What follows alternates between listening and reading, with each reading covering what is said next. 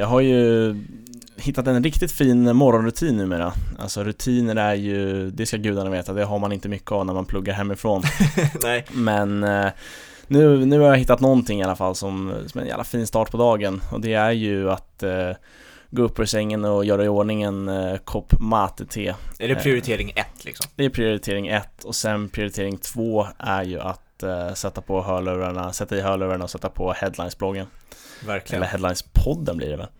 Jag vet inte, det, det, får, vi fan, det får man kolla upp alltså. Det eller någon fråga Fredrik. Det blir väl olika benämningar på det. Verkligen. Om det är blogg eller podd. Men jag gillar podden. eh, Den är fin att sätta i hörlurarna när man gör i ordning sin mate-te och sen Dricker man upp det där teet så, ja men då studsar man fram, eh, sätter sig vid datorn, pluggar lite med, ett, eh, med en klar skalle. Så att eh, det är min morgonrutin nu för tiden. Det nu folk kan sakna efter bland annat Stefan Löfvens deppiga tal om att det är den nya normen nu som gäller att stanna hemma och ja, för många nu under vintertid kan det vara deppigt under Ja, så är det ju. Och det är ju liksom, solen går ju, går ju ner en kvart efter att du har gått upp. Så Ja. att det, nej det är mörkt och trist på många håll men eh, matetet livar upp. Det ljusnar upp det lite grann i alla fall Ja, och men det gör det tycker jag. tillräckligt bra för att orka med resten av dagen. Så det tipsade vi verkligen om. Verkligen, gå in på matete.se Eh, Stavningen finns på våra sociala medier. Stavat Och på vår hemsida kan jag även hitta den. exakt.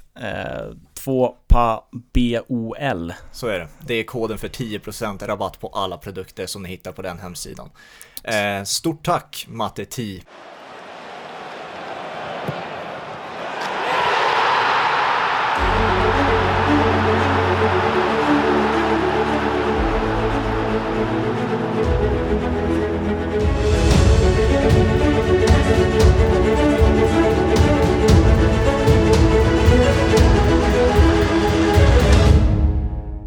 Och välkomna till två på bollen avsnitt 74. Det är jag som är Fabian Norlund och med mig som vanligt har jag Hampus Zachrisson. Jajamän. Och återigen in i en Champions League-omgång, haft en spännande fotbollshelg färdigspelad och eh, ja, med andra ord massa fotboll som håller på just nu och spelas. Så, Så är därför behöver vi ju någon som kan navigera oss igenom alla de här fotbollsrubrikerna och såklart ingen bättre än headlines-bloggaren Fredrik Pavlidis som gäst. Kul att du vill vara med. Tack, kul att få vara med. Hur är läget? Jo, men det är fint. Eh, Det blir ju väldigt intensivt eh, de här dagarna nu också med eh, dels mitt, mitt mellan ligaspel och Champions League-spel och den här säsongen är ju helt galen med antalet matcher så många rubriker att försöka fånga om dagarna. Mm. Det känns fel att börja på något, något annat ställe än Milan och Zlatan känns det som. 10 mål på sex spelade matcher. Ja, jag säger det igen, 10 mål på sex spelade matcher. Klev dock, klev dock av skadad mot Napoli. Eh, ingen, jag tänkte vi kunde snöa in oss på direkt nu skadan, utan jag tänkte vi kunde ta Italien och Zlatan rent specifikt. Alltså vad, vad skrivs det om fotbollsprestationerna just nu om eh, Zlatan, Fredrik?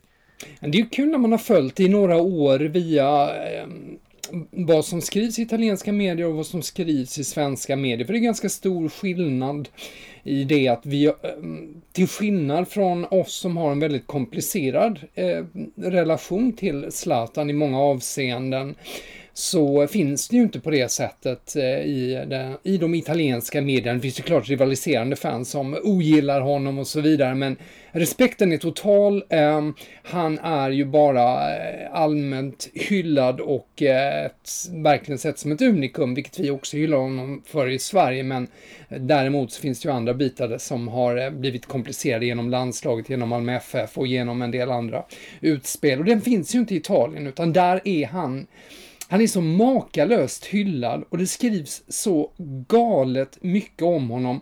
Och Gazzetta dello Sport, som säkert alla vet, är den största italienska eh, dagliga sporttidningen. Den skriver ju i princip varje dag en, en sida om honom. Det är sånt jag sitter på morgonen och läser. Och det, det, det fascinerar mig hur mycket man skriver om honom, liksom hur mycket eh, man har förstått också ju, genom vad man ser på, eh, i tv-rutan, men också vad man läser hans betydelse för detta Milan.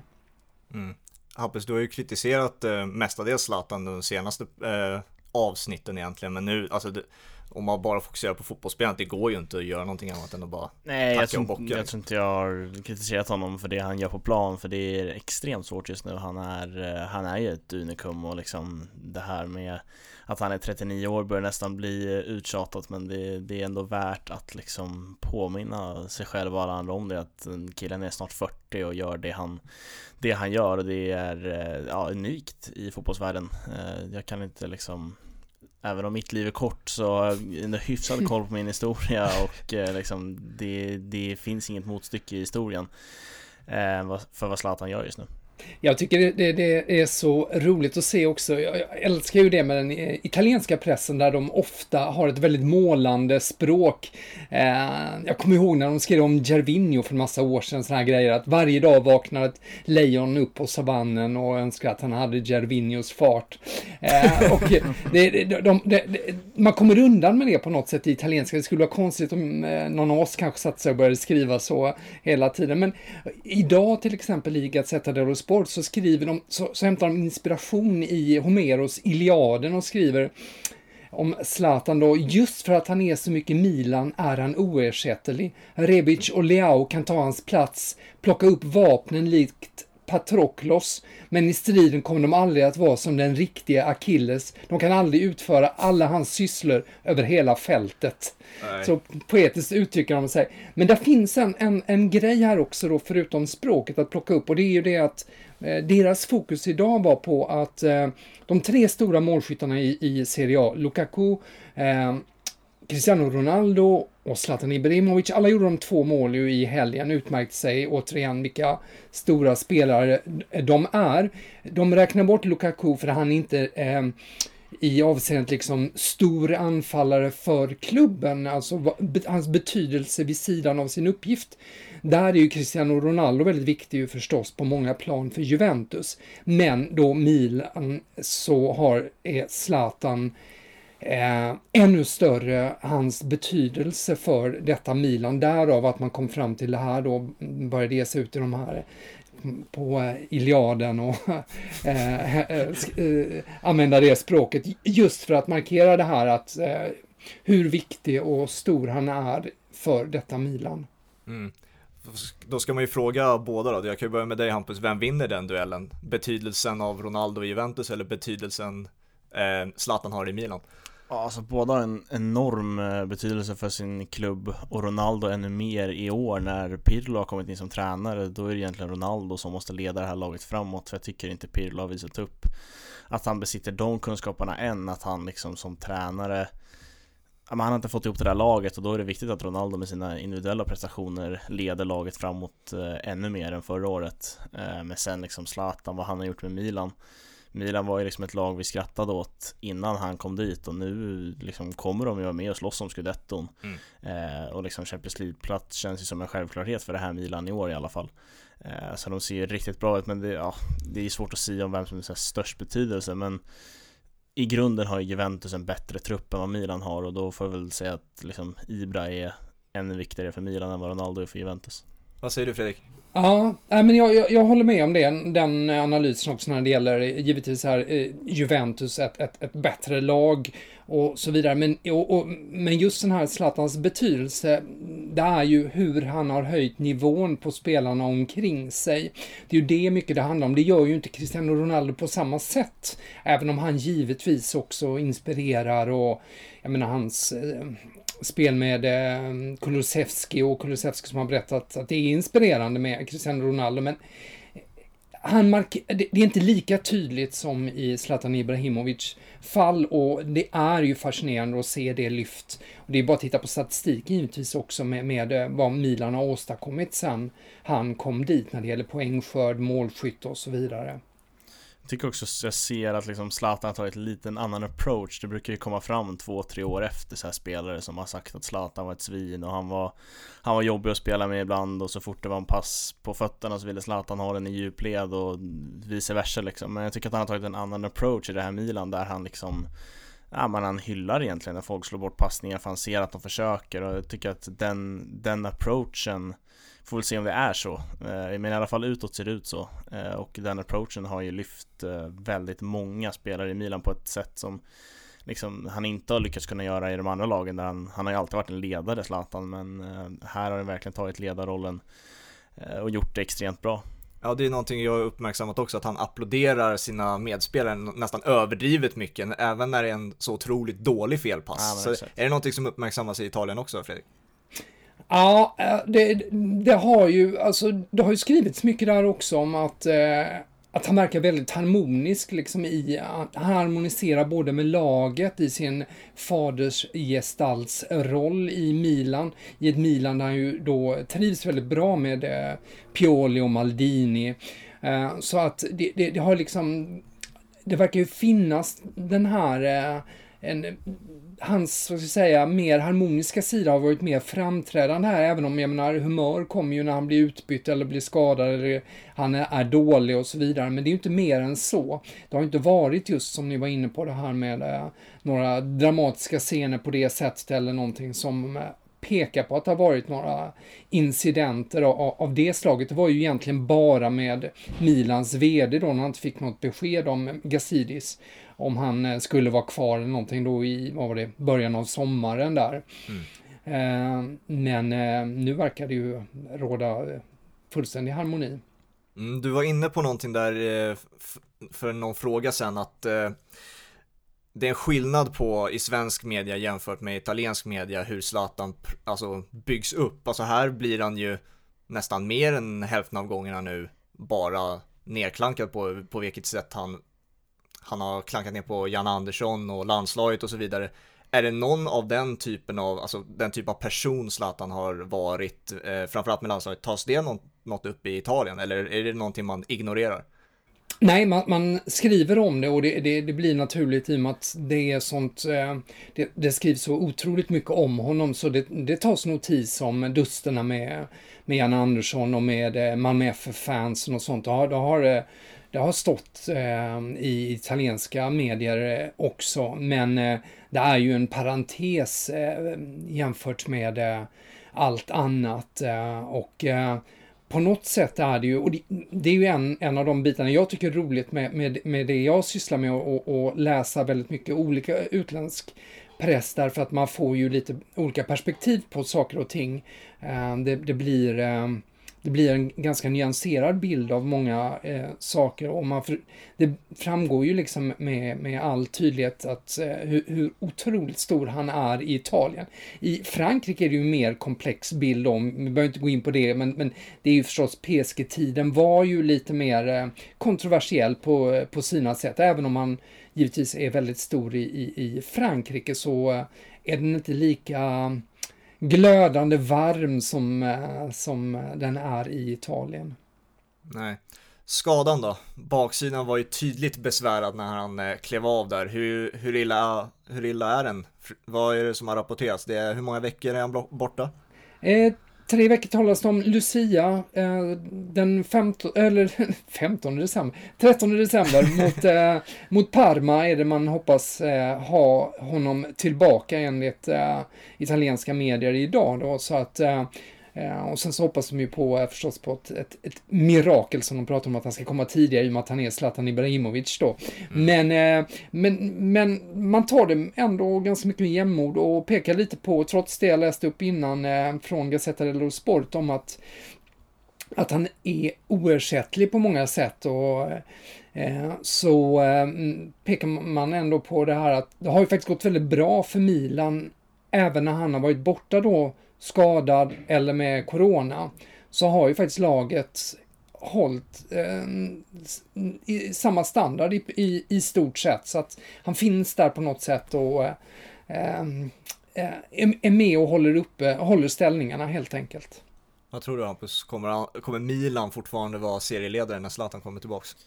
Ja, jag tror inte de kommer, alltså så här, som eh, Fredrik är inne på att de har ju varit, eh, varit väldigt starka eh, Även utan Zlatan. Och den här gången får han ju, alltså han får ju vara på träningsanläggningen. Det fick han inte vara när han hade covid så att han kan ju fortsätta Inspirera och influera de spelarna som faktiskt ska spela. Så att jag tycker att det här Milan är Alltså det är ett lag som kommer vara, vara där uppe egentligen Alltså om Zlatan gör 20 matcher eller om han gör 30 så jag tror inte att det spelar någon roll. Det känns inte så just nu i alla fall för att det är Visst att det är Zlatan som leder det här laget framåt men det är väldigt många spelare som har höjt sig och gör det extremt bra eh, utöver Zlatan. Alltså det är någonting jag funderat på med Zlatan och får se vad, vad ni tycker. Alltså vi har ju alla tre på något sätt följt Zlatan eh, genom hans karriär, sett många många lag spela, han har spelat i många lag, han har spelat, han har, man har sett olika versioner av Zlatan.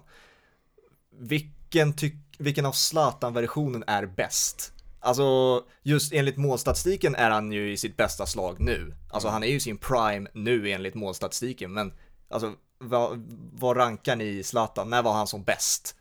Eh, Fredrik, vad, vad skulle du säga? Oh, eh, när var han som bäst? Eh, eh, I och med att han har så olika roller nu också. Han, han, det är ju en helt annan typ av Zlatan nu. Borta är ju liksom finten och allting. Det var ju fantastiskt liksom att uppleva honom bara det första när han slog igenom i, i eh, i Ajax exempelvis med sina finter och vad, vad han skapade då. Men eh, på sin topp kanske Milan eh, innan PSG och PSG eh, inledande, ja, någonstans där kanske. När han hade fått liksom sin Capello-utbildning och eh, ja, någonstans där. Det kanske landar där. Jag är dålig på åren där, men, men något sånt. Han var ju där från 2010 till 2012 var han. Första mm. vändan i Milan. Ja, vad säger du Hampus?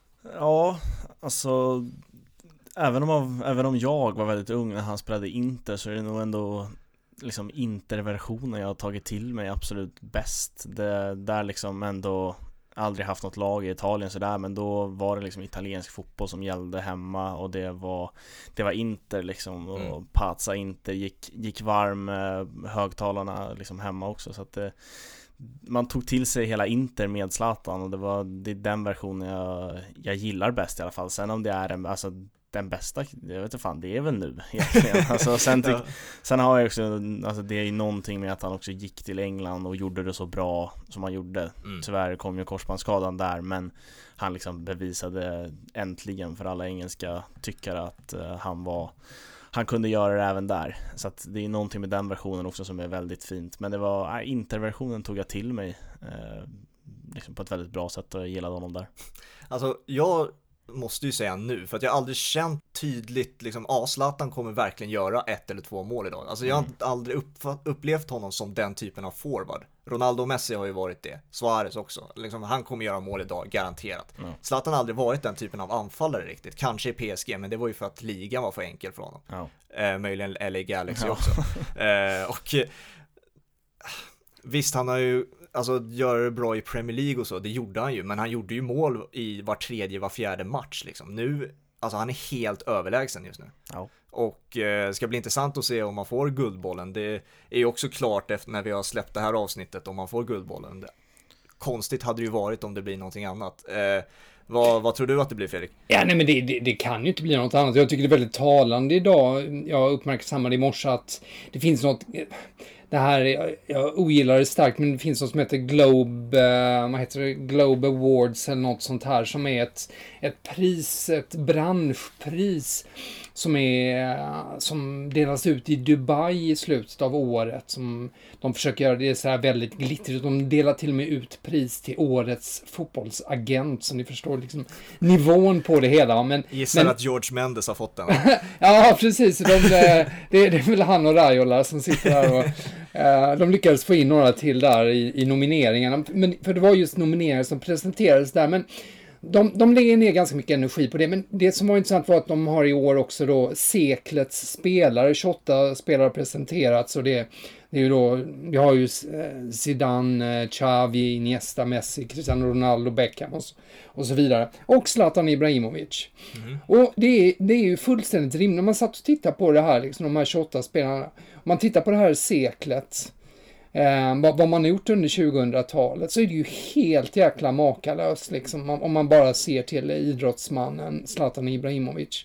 Eh, så, så hans gärning är ju faktiskt eh, den, den, blir väldigt storslagen när, när, när man eh, påmind påminn om det på det sättet som jag blev när jag tittade på just den här listan av de här 28 spelarna, där några kanske inte heller har varit så starkt lysande i väldigt många år. Men eh, Zlatan har varit det i så många år så att eh, jag menar seklets eh, topp 10 är han ju nästan och det är klart att han är en eh, Guldbollen-vinnare också vart, vartenda år egentligen. Mm.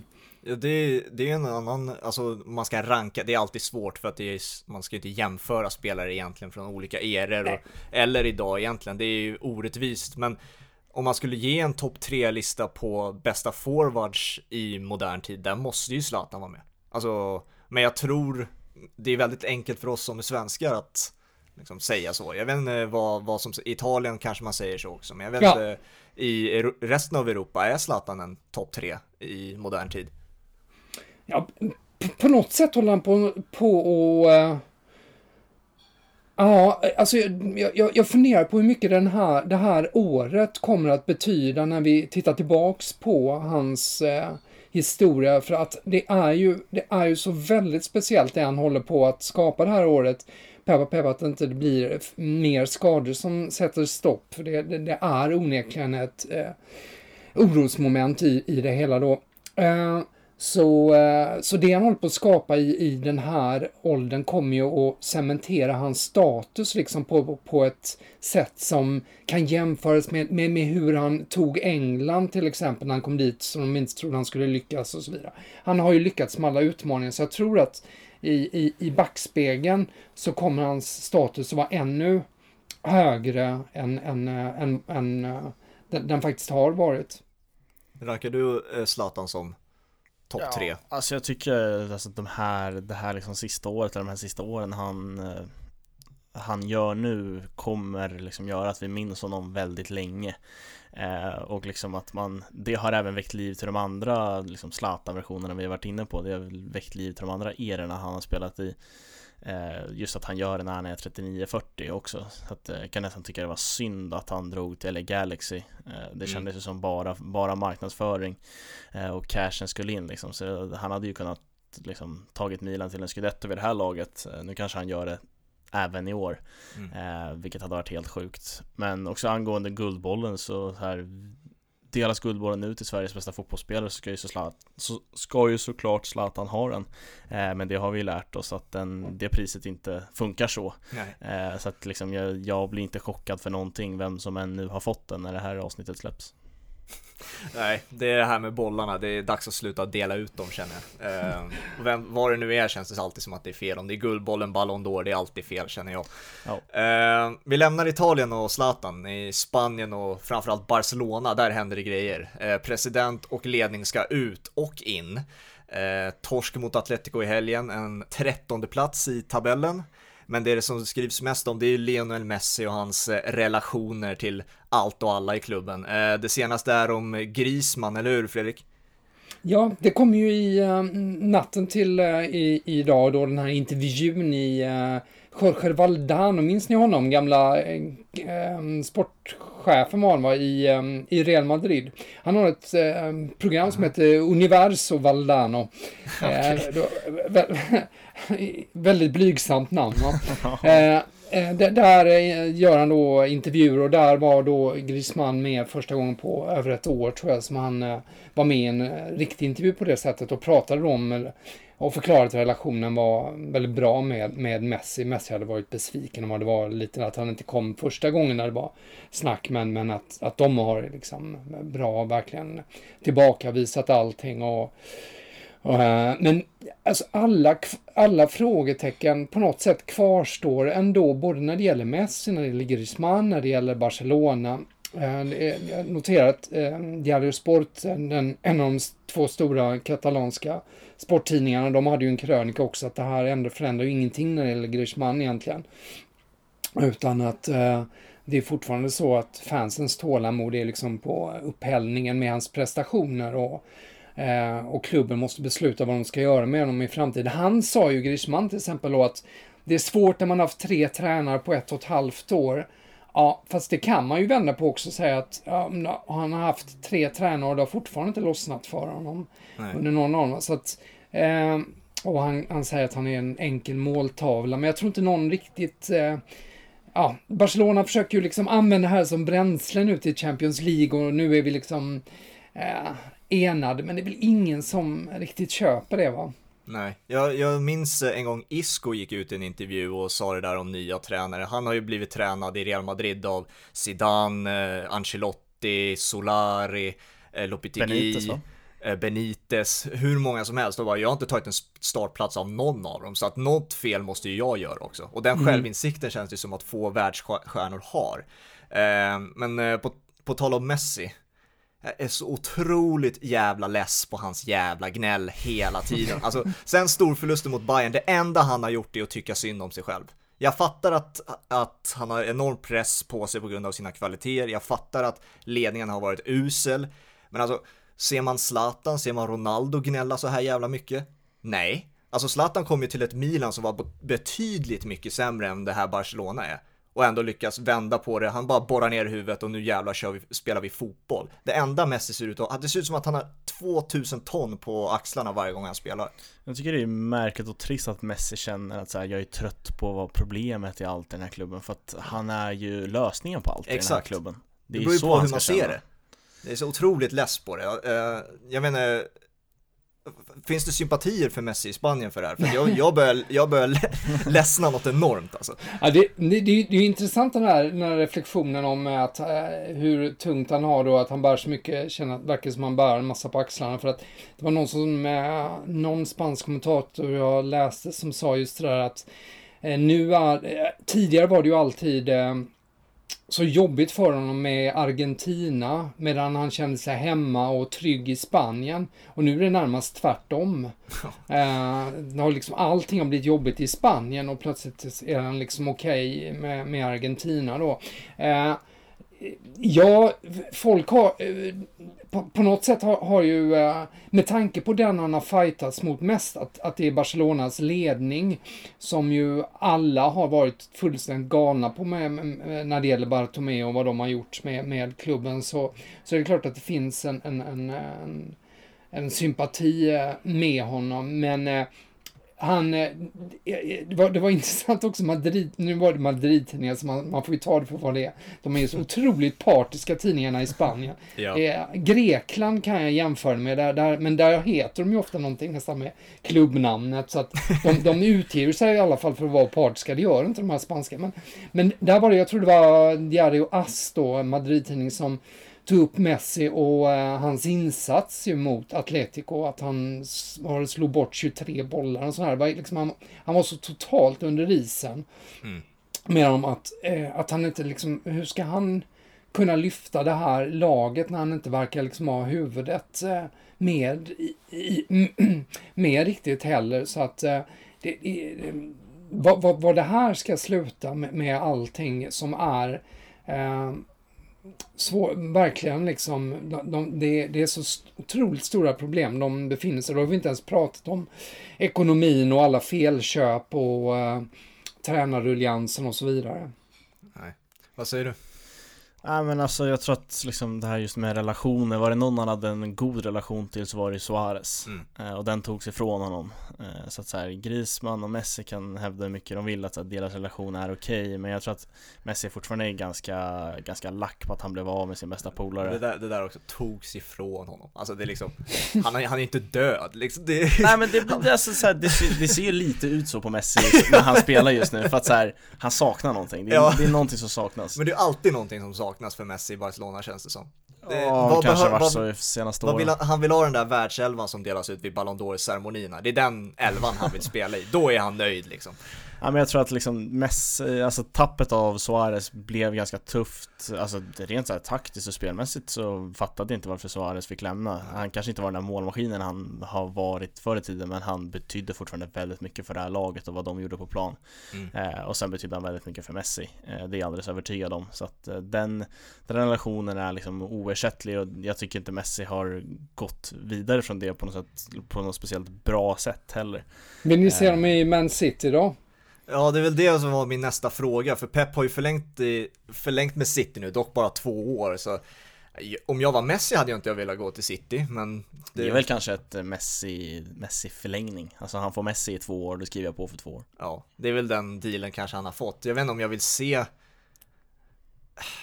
Jo, jag skulle vilja se Messi någon annanstans än Barcelona just på grund av att jag vill ha det bevisat att han kan spela på en annan, en annan liga och, och man kan prestera på samma nivå. Man vill ha den garantin att ja, han är faktiskt eh, fantastisk oavsett var han spelar. Mm. På samma sätt som Zlatan har bevisat det, på samma sätt Ronaldo har bevisat det och så vidare. Det är liksom det som gör någon fantastisk, liksom bra, fantastiskt bra. Nu är inte Messi dålig på något sätt, men han har inte bevisat sig på samma sätt. Eh, kan jag, det är mitt argument till varför jag inte tycker han är bäst någonsin, men det är en annan femma. Eh, hur, hur, alltså när Pep förlängde, då antar jag ryktena eldade på igen om att Messi ska till City, Fredrik? Ja, det har ju varit mycket i tidningar, framförallt då de engelska, där man har utgått mer eller mindre från att um, Guardiola har blivit uh, ja, lovad det hela och att det är därför i stort sett han förlänger och så vidare. Idag hade både Times och Daily Mail artiklar om att uh, att eh, City-gruppen då vill binda upp Messi på tio år. Det vill säga att han ska då spela ett par år i, i, i Manchester, sen kan, i någon annan av klubbarna i deras portfölj. eh, och därefter jobba i någon slags ambassadörsroll för eh, klubben eller gruppen då eh, i framtiden. Jag vet inte alls hur, hur det är och, och eh, jag vet inte om det där känns Eh, helt bra. Det, det, är ju kittlande tanke förstås att eh, jag menar, återföreningen och i England och helt andra omständigheter. Det, det är klart att, eh, att det är någonstans eh, eh, kittlar att, att eh, men jag, jag, jag, tror, jag tror inte det. Jag, jag, jag känner inte som det skulle vara en lycklig återförening. Jag tror att eh, det här Manchester City, det här nya projektet som, som eh, Guardiola nu ger sig in på där han då för första gången ska bygga ett nytt lag, vilket han inte har gjort tidigare på det sättet i någon annan klubb. Att det är liksom en annan typ av satsning då, de, han skulle göra och hitta liksom en, något annat än att knyta an till en uh, åldrande Messi kanske. Jag hade ju hel helst av allt hade jag ju bara sett att Messi återvände hem till Newells Old Boys och spelade i Argentina där. De hade ju, när, när, de, när han var på väg därifrån då i somras när det var den här jäkla Burofax som det heter, det där mm. rekommenderade brevet. Då hade de ju varit ute på gatorna där och eh, liksom eh, för att försöka övertyga och liksom bilar och tutor och allting då för att de, ville, de hoppades på att de skulle få hem honom. Det hade jag nästan helst velat se. Ja, om jag får liksom få drömma helt fritt så hade ju Messi i US Old Boys med eh, Bielsa som tränare hade ju, ja. oj, oj, oj. Det hade ju lett till att man kollade ja. mer argentinsk fotboll Ja, herregud, det hade varit något ja. För att uh, känslan är väl att Bielsa gör ju inte jättemånga fler år Leeds även om han känns som han trivs där men vi, liksom, vi som känner Bielsa han stannar inte jättelänge i sina klubbar så att uh, varför inte? Men uh, jag vet inte, han hamnar väl i, alltså antingen, det känns som det är antingen Barcelona eller City. Och, och Barcelona är ju lite samma sak. Jag menar, de, de, någonstans måste de ju börja bygga nytt. Jag, jag, jag, Definitivt. Det, det, det, kanske borde de, borde de ha sålt honom i, i, eh, om, om det gavs möjlighet då också. Med, med, med tanke på liksom alla aspekter av det, med tanke på deras ekonomi, med tanke på var de befinner sig och, och allting. Eh, och, och gett sig själva lite utrymme. Uh, jag, jag, vet inte, det, det, det, är inte helt lätt säkert att bygga nytt utan pengar och med en Messi som uh, är missnöjd med den sportsliga satsningen. Även om man får in en ny styrelse så kommer inte det att garantera att de har några pengar kan få in rätt spelare. Nej, jag tycker bara den där ambassadörrollen, den låter så intressant. Men också så fel människa att sätta på känner jag. Det är ju inte en ledarroll Messi ska ha någonstans. Inte ens i Barcelona är han ju en riktig han är inte en han leder på plan, absolut, men... Ja, är han det då? Alltså han, han led, ja, spela, spelandes är han ju en bra ja, ledare, exakt. men alltså verbalt, ja, jag skulle nog Nej, välja någon annan. Alltså, säga, det är väl också en del av problemet man har med Messi, att han, eh, alltså, så här, han kan väl knappt spanska, han pratar typ katalanska endast. Ja. Eh, och eh, en ambassadörsroll i Manchester City eller någon av deras klubbar kräver ju engelska tänker jag. Ja. Eh, det känns som han inte är skitsugen på att plugga. Men jag, alltså, jag blev chockad bara av att Pep Guardiola förlängde med Manchester City. Eh, för att så här, Ja, man sitter, ledningen kanske har lovat att de ska göra allt för att få över Messi Men det är ju långt ifrån säkert att det blir, blir Messi. I Manchester City Även om City gör allt vad de kan. Eh, För att Guardiola ser ju nästan till miserabel ut just nu. Alltså han ser inte alls inspirerad ut eh, Och resultaten har ju också kommit därefter. Så att eh, jag blev chockad över att han skrev på liksom, ett tvåårskontrakt där i många fall kort Men det här kändes långt. Ja, jo, det är sant. Mm. um, Ska vi ta oss Ska vi ta oss till England då? Lämna den sydeuropeiska fotbollen lite, ta oss till England där eh, det snackas ändå lite roligare grejer. Eh, diskussion om att publik ska återvända igen. 4000 personer ska tillåtas in på arenorna i vissa områden så som jag förstår det. Eh, det här är någonting eh, premiärminister Boris Johnson tror jag leder. Jag har ingen aning om vad, vad, hur det går för de politiska ledarna där borta i England, men snurrigt är det i alla fall. Vad, kan du förtydliga någonting här Fredrik? Ja, nej, men det var precis som du sa, det, det är ju vissa regioner, det, det är olika då tiers som de pratar om då, nivåer. Uh, som, eh, som uh, det är väl bara två stycken för närvarande som kan ta in 4000 och det är Brighton och Southampton om jag inte minns fel. De flesta är fortfarande, får inte ta in åskådare och en del får ta in 2000. Uh, eh, nu är då förhoppningen att, och det, det, hela hänger ju givetvis ihop med nivån av corona i regionerna och nu hoppas ju då Manchester på att få sin eh, eh få en, en, en, bättre nivåstatus på eh, torsdag.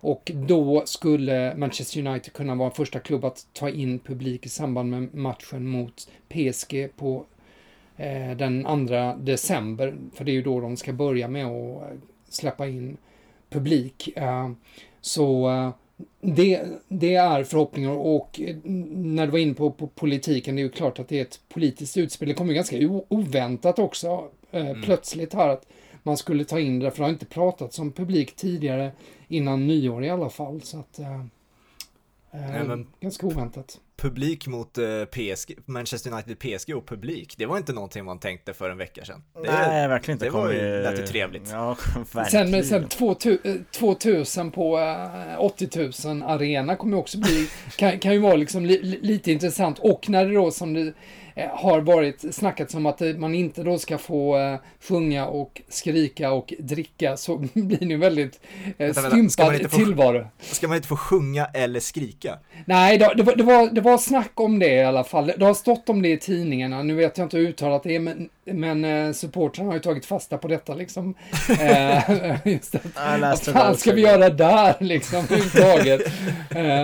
Men så, så, så, jag, jag, vet inte, rent praktiskt är det så många bitar också, men hur ska de... Eh, eh, jag menar, kan man resa, alltså vilka får köpa biljett? Vi antar att det är säsongsbiljettsinnehavare då, men måste de bo i Manchester? För annars får de, kan man, får man resor från andra områden och det kan ju inte vara något som borde liksom eftersträvas. Så att det, det, det, är så, det, är, ganska mycket frågetecken det. Det ska bli jätteintressant hur de gör eh, med det och tänkte på sådana också grejer.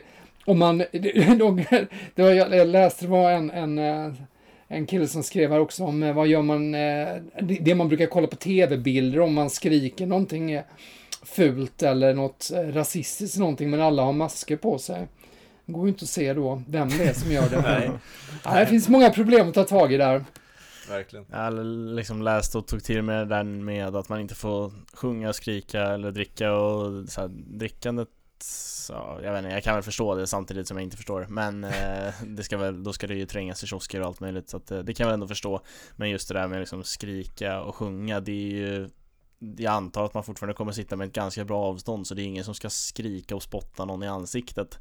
Så att det eh, känns som en liksom, äh, mycket märklig, alltså, märklig grej där man mer, där det mer handlar om att kontrollera människor och deras beteende än ja. om att minska liksom coronaspridningen. För att liksom har man 4000 på en arena för 80 000, ja men då kan de nog sjunga Marching On Together eller vad man nu har för ramsa liksom. Så att äh, det känns som en märklig märklig restriktion. Kanske också för att skapa sig utrymme att äh, avvisa folk som man äh, tycker är, är jobbiga och för att visa, ge signaler också om att vi tar det här på allvar liksom. Det, det, det, det är säkert mycket politik i ett sånt utspel också mm. gissar jag.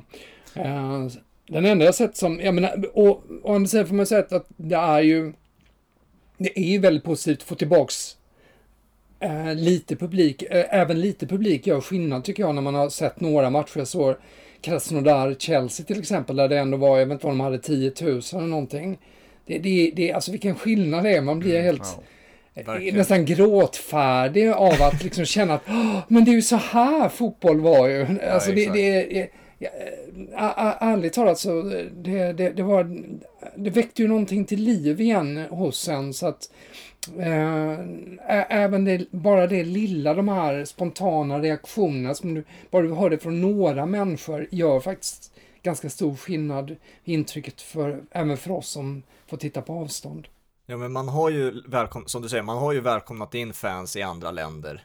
Men vad skiljer sig de här besluten? För alltså de här eh, matcherna vi har sett i Champions League, då har vi ju sett kortsidor packade med fans. Eh, det är inga coronaavstånd där inte. Så vad, är det det som skiljer sig åt mellan de här besluten? Eller hur, och hur kontrolleras det? Ja, men det, det är nog olika från, eh, från land till land och jag tror att det du syftar på i första hand var en av eh, de franska matcherna. Jag undrar om det inte var Rennes i sin första match mot Krasnodar där. Då hade de ju märkligt nog en läktarsektion helt öppen och jag vet att PSG har nog haft någonting liknande faktiskt. När de eh, välkomnade tillbaks eh, eh, vad heter de, ja, Kollektiv Ultras Par, Paris i någon match sånt där så, så hade de också de samlade på ett ställe. J- jätteförvånande. Men jag tror att det är ganska unikt för Frankrike. Jag kan ha fel men, men jag, jag, jag, tror det var bara där de har haft det konstiga Okej. greppet. Mm. Utöver eh, publikfrågan så är det ju fem byten som ska godkännas nu också. I Premier League diskuteras det om i England. Eh, English Football League-klubbar, vilket är Championship, League 1 och League 2, som har eh, beslutat att fem byten ska genomföras numera. Eh, och då ska det ju såklart diskuteras ifall Premier League tar, alltså tar in fem byten istället för tre som man har just nu. Eh, känns som att det är dags Hampus, eller? Ja, definitivt. Det här spelschemat är ju inte hälsosamt eller fan på gränsen till inhumant är det. Eh, och satt och pratade om det här i Studio Sandon för en vecka sedan och då var väl alla tre överens om att eh, det liksom Premier League inte kommer släppa släppa igenom fem byten för att det, liksom, det handlar så mycket om tradition och allt möjligt i England så att liksom, tre byten ska det vara, tre byten har det varit och tre byten ska det vara. Mm. Men det börjar väl ändå kännas som att det, det närmar sig men just den där traditionen visar ju sig i Gary Nevilles uttalande som absolut inte vill ha fem byten och tycker att liksom ingen ska klaga och Andrews Townsend har varit ute och sagt att det gynnar ju bara storklubbarna så vi tycker att vi kör på med tre tre byten. Eh, så det blir väldigt spännande att följa den diskussionen. Eh, men det känns som att alla gynnas av fem byten just nu för att skadeläget är i, liksom, nej, det går inte. Som jag förstod det Fredrik så, var, så röstades det om antingen tre eller fem byten i somras Premier League, mellan Premier League-klubbarna och så röstades det för tre byten. Syftet för fem byten är ju för att beskydda spelarna från slitageskador och med, i och med det här tajta spelschemat då. Eh, hur stor har frustrationen i England, framförallt i Premier League då, varit kring det beslutet, alltså den omröstningen i England egentligen? Framförallt var det ju storklubbarna som ju ville ha eh, fem byten nu och eh, de andra klubbarna som eh, inte ville ha det för att det ses ju som en fördel för storklubbarna då. Men jag tror att alla har landat någonstans i att med spelschemat och eh, allt som är så, så är det det rimliga steget att ta nu. Eh, Eh, Så att det, det kommer säkert att landa där. Och jag menar, du, du har det i de... Jag, i, jag tror att det är alla de andra st stora, de andra fyra stora ligorna, att de alla kör fem Ja. byten. Och om man tittar på... Det har ju inte gett de största lagen någon markant fördel på det sättet. Synligen i alla fall om man tittar på tabellerna. Så, eh, så har du ju fortfarande liksom en hyfsad blandning förutom möjligen i ja, Bayern München då som kanske har sitt grepp där. Men du har ju jämt, relativt jämnt i, i Frankrike, Italien, Spanien.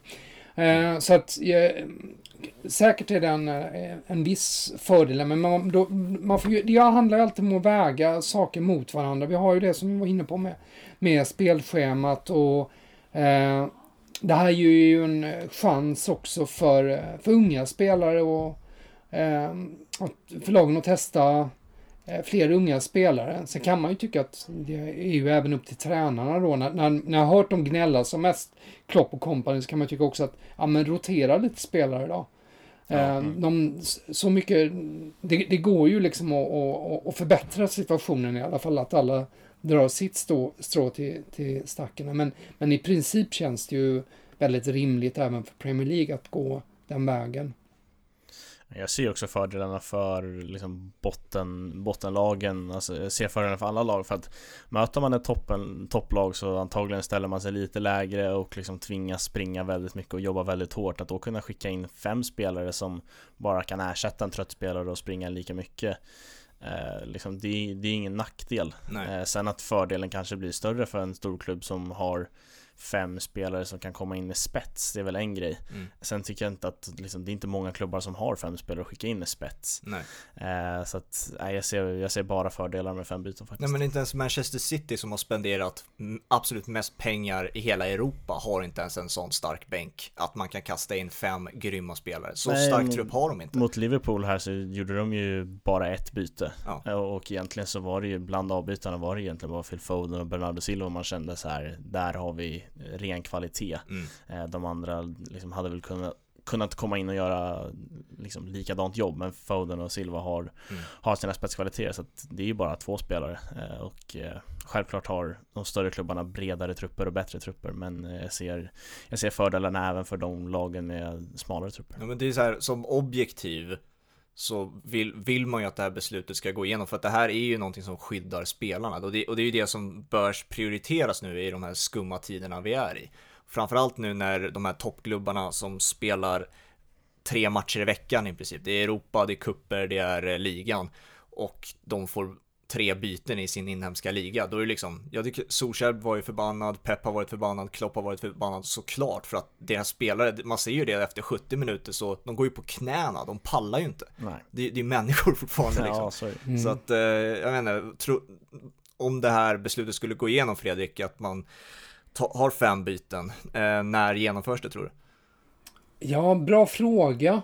Eh, det påverkar ju givetvis förutsättningarna lite, eh, aningen om man gör det mitt under säsongen kan det kännas. Men, men är, är rimligen, jag, jag vet inte när de ska eh, ta beslut om nu, men det borde, ju, det borde ju ske ganska snart i så fall att man, eh, att man införde det.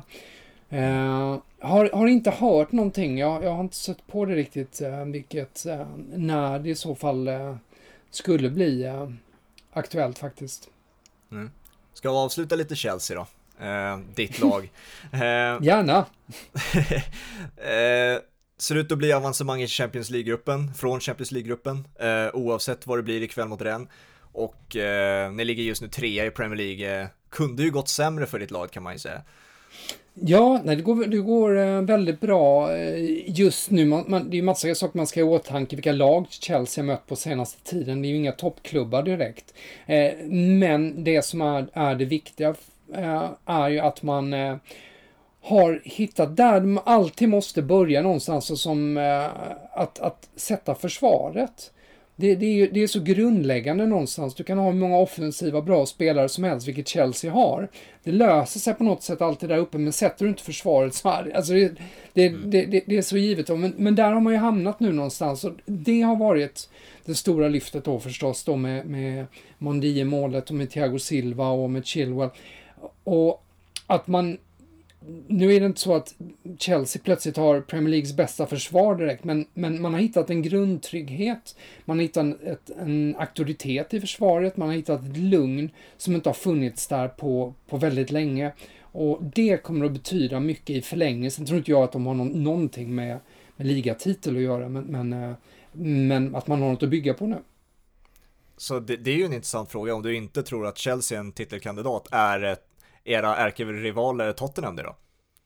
Det är vår värsta mardröm tror jag. Särskilt för våra, eh, oss old school eh, Chelsea som har, liksom har hängt med dem i, i alla år sådär. Så har ju eh, Tottenham och Liverpool har ju en, eh, och Leeds för den delen, har ju en eh, särskild plats i helvetet.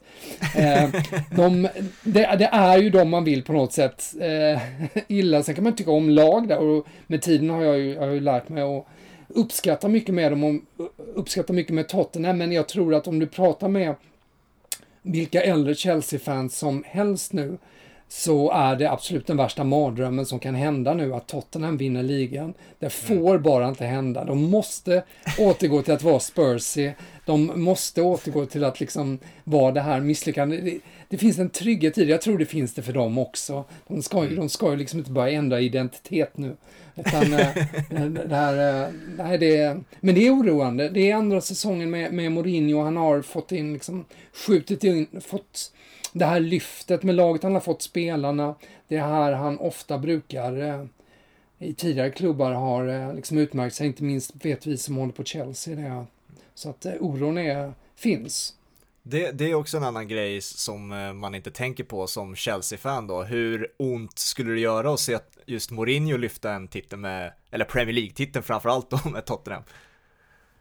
Ja, jag, jag, jag, alltså jag, det, det, ja, det, det, det, det är svårbeskrivet tror jag för, för väldigt många. För, för, för jag, jag, jag, ska säga att jag, jag, har ju liksom, jag har alltid haft en viss distans till Mourinho. Jag älskar honom inte lika intensivt som en del Chelsea-supportrar gjorde när han var där. Jag uppskattar honom men jag inte älskar honom så liksom eh, eh, så starkt som en del gjorde och jag har inte tyckt illa om honom på det sättet som många Chelsea-supportrar har gjort efteråt och känt sig sviken på det sättet. Men, men alltså den kombinationen, alltså det, det, det, det, gör så, det smärtar något så oändligt att bara tänka tanken även för mig. Jag tror, mm. jag tror eh, ja, det, det, det, kan inte bli mycket värre för, för många andra Chelsea-supportrar också är det någon av er som är Tottenham där? Nej, jag bara, jag, jag tror ju på Tottenham i år så, inte så, ja, jag, inte ja. att de, jag tror inte de kommer, ah, Vinner de ligan? Jag har sagt att Liverpool ska vinna ligan, men ah, mm. det, det, är någonting speciellt som är på G. De kommer vinna en titel i år, det har jag sagt i alla fall. Det är ju ja. Chelsea-Tottenham på, på söndag som, eh, som kommer här nu. Det är så? så att, eh, oj, oj, oj. Extremt spännande match att se fram emot. Ja, det är det. Det är det verkligen. Ångestmöte alltså. Jag tycker just att så här, det är defensiven som Chelsea har satt som eh, imponerar mest. Inför säsongen så var det snack om Werner, eh, Havertz, det var de offensiva nyförvärven Ziyech. Eh, det är väl framförallt Werner och Ziyech jag tycker har varit riktigt bra, men det är väl liksom, det är inte dem man tänker på när man tänker på Chelsea, utan det är försvarsspelet. På de sju senaste matcherna så har man ett insläppt mål. Uh, och det kom mot Sheffield United där Sheffield United inte ens själv visste vad de gjorde. Men Nej. helt plötsligt hamnade bollen i mål. Så det, det, kan man väl ta. Uh, så att, uh, imponerande av Lampard att sätta försvarsspelet. och för att ta en enskild spelare förutom nyförvärven. Jag tycker imponerar det är ju Mason Mount som egentligen har konkurrerat ut Havertz till en början i alla fall. Mm. och det, liksom, det var ju bara Havertz som skulle in där. Men Mason Mount bara bygga på sin fina form från förra säsongen och visa att uh, den, där, den där tysken kommer inte bara in och ta min plats utan uh, den får han jobba för. Vad, vad tycker du Fredrik om det här, uh, vad ska man kalla det, Lampard-experimentet med unga talanger från förra säsongen och sen att det bara, man vände på steken och så blev det Eh, den eh, stora sommaren som han hade och inga talanger kvar i princip fick eh, spela. Nu har Abraham och Mount ändå tagit, tagit sig tillbaka igen i alla fall i diskussionen om en startplats. Den här kontrasten, hur upplevde du det som Chelsea-supporter? Jag vet att en del utifrån reagerar på det. Jag fick en, en del eh, mejl och några påpekanden om det där liksom. Eh jag, jag känner ju i första hand att det är en ganska naturlig justering. För det första var det väntat att man skulle varva en hel del med tanke på att man hade en massa pengar som brände. Och sen, sen visste man ju inte att det skulle bli så här. Alltså det påskyndades ju av coronasituationen att man såg en möjlighet att kapa åt sig spelare som Havertz exempelvis, som man kanske inte annars hade kunnat konkurrera om. Eh, ja, det finns inget storlag som i ett svep placerar en sex stycken egna spelare i startelvan eh, och bygger på, eh, på det, utan det är en eller ett par stycken som, som etablerar sig på det sättet i startelvan och sen bygger man på med, med några till förhoppningsvis. I Chelsea har det varit katastrofalt sen Terry slog igenom för hundra år sedan. De har, ju, de har ju liksom släppt alla talanger trots att man har haft en väldigt bra akademi. Eh, så att det var ju väldigt stort och jag tror många gillade det här förra året. Men där vi är idag är ju egentligen ganska normalt. När, när, du, nämnde, när du nämnde eh, Mason Mount och Tammy eh, Abraham så har vi ju även Rhys James är ju numera eh, ordinarie också. Så att du, du har de som ordinarie och sen har du ett par andra spelare som eh, kommer att vara bänkspelare och kanske få spela en del, alltså Hudson Odoi om, han- om han nu inte kanske tröttnar, det finns ju en risk där. Eh, Tomori och Billy Gilmore som är på väg tillbaka då, som ju är, eh, som också tillhör de som kommer att, att, att vara. Och det, det är ju, då är man ju plötsligt där, där kanske ja, klubbar som Liverpool, som ju har varit eh, Manchester United, som har varit bättre på att ta hand om ett par talanger eh, per år som får komma upp och få chansen. Så visst, det, det är alltid kul med eh, en massa talanger, men du kan inte utmana i toppen med, med bara det. Och, så att, eh, jag, jag, jag, det, det har inte stört mig så mycket, utan man har ju sett till exempel Tammy Abraham har ju gjort, fått rätt reaktion eh, på den här utmaningen från eh, Timo Werner och eh, har verkligen liksom så här långt tagit vara på eh, ehm, på den eh, möjligheten han har att, att förbättra sig. Mm. Eh, Ja, jag tycker allt, liksom allt det här Chelsea har fallit väl, väl ut med ett år med bara talanger och sen köper man in och sen liksom mixas de där i en ganska bra mix som faller väl ut Eh, och sen, alltså jag tror att nästa säsong kanske Chelsea kan accelerera ännu mer Eh, Den här topp sexan kommer ju alltid vara förankrad känns det som rent statusmässigt och eko- ekonomiskt. Men eh, alltså United och Arsenal är ju ljusår efter lag som Chelsea och Tottenham. Mm. Och så är ju Tottenham och City Tottenham, Liverpool och City tycker jag ändå är liksom suveräner så även om inte City har kommit upp i den nivån i år. Men liksom man lägger de sex i lite olika skikt sådär så har vi ju 2-2-2 Ja, men jag, jag, jag håller helt med dig. Och jag menar Liverpool Manchester City, de är så, de är så väl organiserade sedan flera år tillbaka på alla plan. Det är där lite kanske Chelsea har närmat sig också som inte folk kanske utanför tänker lika mycket på att man har hittat en struktur, vilket man inte har haft tidigare utan sportchef, utan Peter Cech har glidit in där och blivit någon slags länk mellan eh, Ehm, tränarstaben och eh, Granovskaja och Abramovic. Eh, där man tycks ha hittat liksom en struktur som eh, har börjat fungera och det tror jag är jätteviktigt. Det är ju där United till exempel har famlat så medan City och Liverpool har ju liksom bara gått spikrakt på senare år i det avseendet och ligger eh, ljusår före många av de andra stora klubbarna. Verkligen. Med tanke på att eh, tabellen börjar skapa någon slags form då, då eh, man ser på ett ungefär hur det kommer sluta på vissa, vi, vi, med, med, med vissa lag i alla fall, så ska vi då gå varvet runt och gissa vad Chelsea slutar då. Vad tror du Fredrik? um, jag tippar... Uh, jag, jag är ju en ständig pessimist sådär och uh, jag vill ju aldrig jinxa något heller så att jag, jag är ju hopplös på sånt där men eh, de ska ju rimligen givetvis slå, slåss om en Champions League-plats. Eh, eh, så att eh, bästa fall trea. Jag tror att eh, Chelsea slutar fyra City ska ta sig in där eh, Topp två Och sen eh, håller jag Tottenham som nummer eh, större i nuläget så att, Du, du tror alltså att eh, City kommer både ta sig förbi Chelsea och Tottenham? Mm, miserabla Pep ska, ska lyfta den här skutan eh, Okej. De ska, ska bara ta sig in Nej, Liverpool och Tottenham det är topp två, sen har vi Chelsea trea och sen får eh, någon av Manchesterklubbarna glida in fyra. Det är så jag kan bara säga att jag, jag, jag, eh, jag köper ju gärna bort en Champions League-plats så länge Tottenham inte vinner ligan. Det är nästan så jag tar en nedflyttningsplats. Ja exakt, för då kan ni studsa upp och sen vinna den efter Spurs när de har återvänt till sitt gamla jag. Eh, Exakt. jag tycker vi, vi, tycker vi avrundar där, vi knyter ihop säcken. Eh, stort tack att du ville vara med- Fredrik. Tack så jättemycket för att jag fick vara med. Du ska berätta för alla också var vi kan hitta dig på sociala medier och så. Ja, eh, hänger mest på, eh, på Twitter där jag eh, då försöker eh, promota min eh, blogg och min podd på Fotbollskanalen. Så att Fred Pavlidis är väl där man lättast hittar mig. Grymt! Vi finns på Instagram och Twitter, två pubbollen är det som gäller på Instagram och Twitter är det tvåbollen och numera även på tvåpubbollen.se så att eh, startat en hemsida där som är igång och rullar. Framförallt är det väl våra enskilda bloggar som kommer vara huvudfokus där.